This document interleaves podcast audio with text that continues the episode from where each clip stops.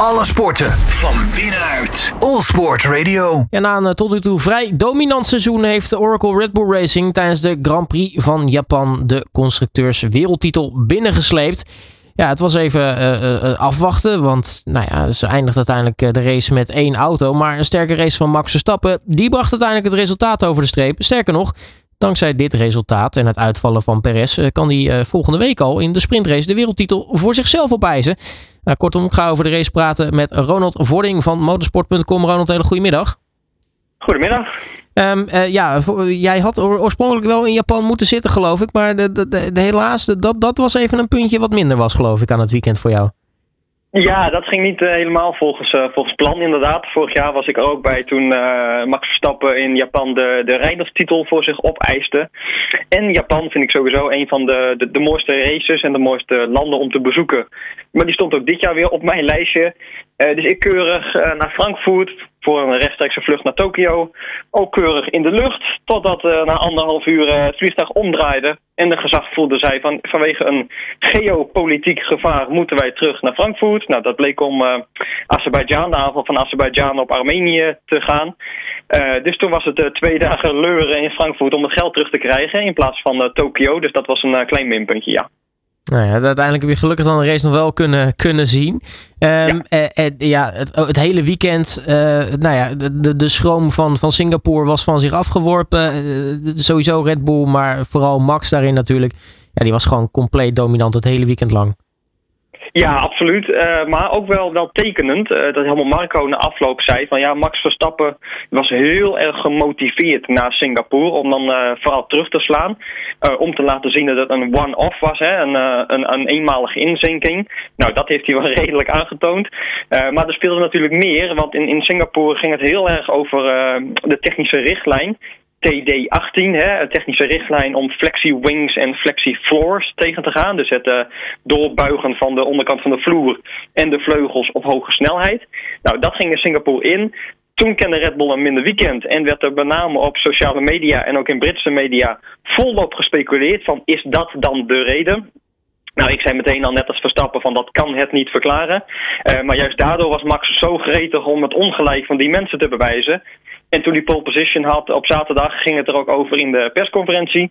En zei hij nou, iedereen die uh, het over die technische richtlijn had, they can suck on an egg. Nou, geweldige vertaling hebben we niet in het Nederlands, maar het kwam erop neer.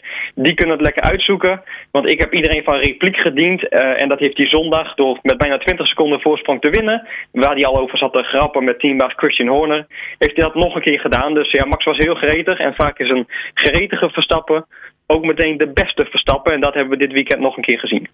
Maar toch wel tekenend dat uh, uh, nou ja, iemand voor wie een seizoen zo vlekkeloos, redelijk vlekkeloos verloopt, uh, toch, toch nog eigenlijk zich een beetje kan opwinden over wat er dan op social media gebeurt. Ja, maar ja, goed, weet je, kijk, Max is natuurlijk ook een winnaar. Hè? Dus, dus als het dan een keer niet gaat zoals hij wil, of überhaupt een keer niet wint, dan is hij des te gretiger om dan weer terug te slaan. Dus dat, dat tekent ook wel überhaupt de sportman die er altijd alles uit wil halen.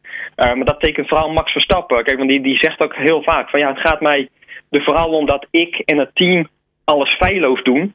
Uh, en dat was in Singapore niet het geval. Want hè, ze hebben al, al uitgelegd dat daar aan de voorkant met het simulatorwerk en met de afstelling dingen verkeerd zijn gegaan. Uh, dus hij wilde meteen even een soort, soort signaal, een soort statement of intent, hè, wat de Britten zeggen, afgeven. Nou, en dat is gelukt, want iedere vrije training bovenaan, pole position, snelste raceronde, die race gewonnen. Dus ja, heel veel beter dan dit kon ook niet. Nou ja, dat was uh, wel een wedstrijd met twee kanten eigenlijk voor, uh, voor Red Bull Racing. Want nou ja, aan de ene kant uh, Max fantastisch, wereldkampioen bij de constructeurs, de Hosanna. Maar aan de andere kant de garagekant van Sergio Perez. dat was nog wel even iets, iets anders. Zo, zegt dat, ja. Maar dat, zegt voor mij ook wel, kijk, want er wordt ook heel snel gezegd, ook uh, vooral op sociale media en dan vooral uit de Britse hoek, hè, van ja, het is de auto, die RB19 is zo dominant, daar, daar valt niks tegen te beginnen. Uh, maar die zitten de hele jaren al, maar zeker ook nu in Japan, dat de RB19 in handen van Sergio Perez helemaal geen dominante auto is. Dus het is wel degelijk de combinatie, altijd in de Formule 1 Het is wel degelijk het poppetje achter het stuur dat een, uh, een heel groot verschil maakt. In het geval van Max de goede kant op. In het geval van Checo uh, de verkeerde kant op.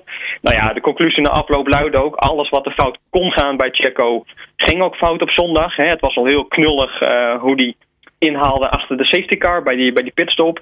Het was nog knulliger hoe die Kevin Magnussen in de ronde tikte. vooral ook omdat een ronde daarvoor keek hij ook al aan de binnenkant van de hairpin. En toen zag je al aankomen van ja, dat, dat gaat verkeerd aflopen. Uh, maar dat zag iedereen aankomen behalve Perez zelf. Want die deed het een ronde later nog een keer doodleuk. Het enige wat ze natuurlijk slim hebben gedaan bij Red Bull... Uh, is om hem daarna nog een keer naar buiten te sturen. Na eigenlijk al de initiële uitvalbeurt... Hè, om hem toch nog die vijf seconden uh, in te laten lossen. Mm -hmm. Omdat gewoon in het sportieve reglement staat... dat een niet ingeloste tijdstraf omgezet mag worden in een gridstraf. Uh, dus dat hebben ze goed gedaan. Waarbij ik wel het idee had dat ze Checo vrij lang in die auto hebben laten zitten. Als een soort walk of shame. Uh, maar goed, ja, uh, het onderstreept vooral wat Max Verstappen in Singapore al zei. Namelijk op deze manier, als het zo crescendo gaat, kan ik die constructeurstitel ook bijna wel alleen binnenhalen. Nou, dat is gisteren eigenlijk letterlijk gebeurd. Ja, nu is het uh, natuurlijk. Uh, Red Bull was een heel groot gedeelte van het verhaal. Maar uh, goed, er rijden natuurlijk nog, nog 18 andere auto's in het, in het -hmm. rond. Ook daar natuurlijk een aantal interessante zaken. wil ik vooral even McLaren en, en Mercedes erbij pakken. want daar was het toch af en toe spannend tussen de teamgenoten. Ja, ja bij, bij Mercedes inderdaad uh, wiel aan wiel, maar daarna ook na afloop nog een beetje gedoe. Hè, omdat uh, Mercedes probeerde natuurlijk die, die, die DRS-truc van Carlos Sainz uh, in Singapore na te doen. Maar goed, daar was Lewis Hamilton niet heel erg van onder de indruk. Want hij zei van ja, it makes no sense. Hè, heeft totaal geen nut gehad. Ze hadden mij er gewoon veel eerder voorbij moeten laten. Uh, als hij Lewis Hamilton vooral, dat is eigenlijk klein bier. Want het overkoepelende plaatje is dat wij gewoon lang niet snel genoeg zijn. En dat de komende zes maanden, die worden van levensbelang. En dan niet op het circuit, maar in de fabriek. Want hij zei, wij moeten van concept veranderen. En wij moeten in de komende zes maanden echt reuzensprongen gaan zetten. Nou, een perfecte bruggetje naar McLaren. Want die hebben in de afgelopen zes maanden reuzensprongen gezet. Ja. Uh, en daarbij wil ik eigenlijk vooral Oscar Piastri even in het zonnetje zetten. Uh, want die bracht pas voor het eerst een bezoekje aan uh, Japan. En dus voor, uh, voor het eerst op het circuit van Suzuka. Nou, Suzuka is niet alleen een van de mooiste banen ter wereld, maar ook een echte rijderscircuit waar je als coureur het verschil kunt maken. En als jij dan als rookie meteen op de eerste startrij kwalificeert, meteen naar het podium rijdt. Ja, uh, Oscar is altijd heel rustig en niet zo uitbundig. Uh, en was ook heel zelfkritisch. Hij zei, ja, ik was nog langzamer dan Lando Norris en ik moet mezelf verbeteren. Maar dan zeg ik niks dan lof. En die jongen die heeft nog een, uh, een hele grote toekomst voor zich. Ja, en dan wil ik eigenlijk zelf dan nog een lans breken voor Liam Lawson. Want we weten, ja. silly season uh, is eigenlijk bijna ten einde. Want er is eigenlijk nog maar één plek vrij. Dat is de tweede ja. zitje bij, bij Williams. Nou ja, Lawson weet al dat Ricciardo en Tsunoda bij Alfa Tauri vast, vast liggen. Um, eigenlijk moet Lawson toch gewoon dat, dat zitje bij, bij Williams overnemen. Die gast, wat die heeft laten zien de afgelopen races bij, uh, bij Alfa Tauri. Ja, dat, dat, dat, dat is toch gewoon hartstikke mooi. Dat is zonde als hij als die weer zou verdwijnen uit de Formule 1. Ja, ik ben echt 110% met je eens. Uh, maar ik heb heel erg het idee al dat er bij Alfa Tauri wat tegenstellende belangen spelen. Uh, want als je gewoon de filosofie van Red Bull volgt, hè, van wij willen jong talent de kans geven, wij willen jong talent opleiden voor uiteindelijk Red Bull Racing, ja, dan moet je absoluut al voor Lawson gaan.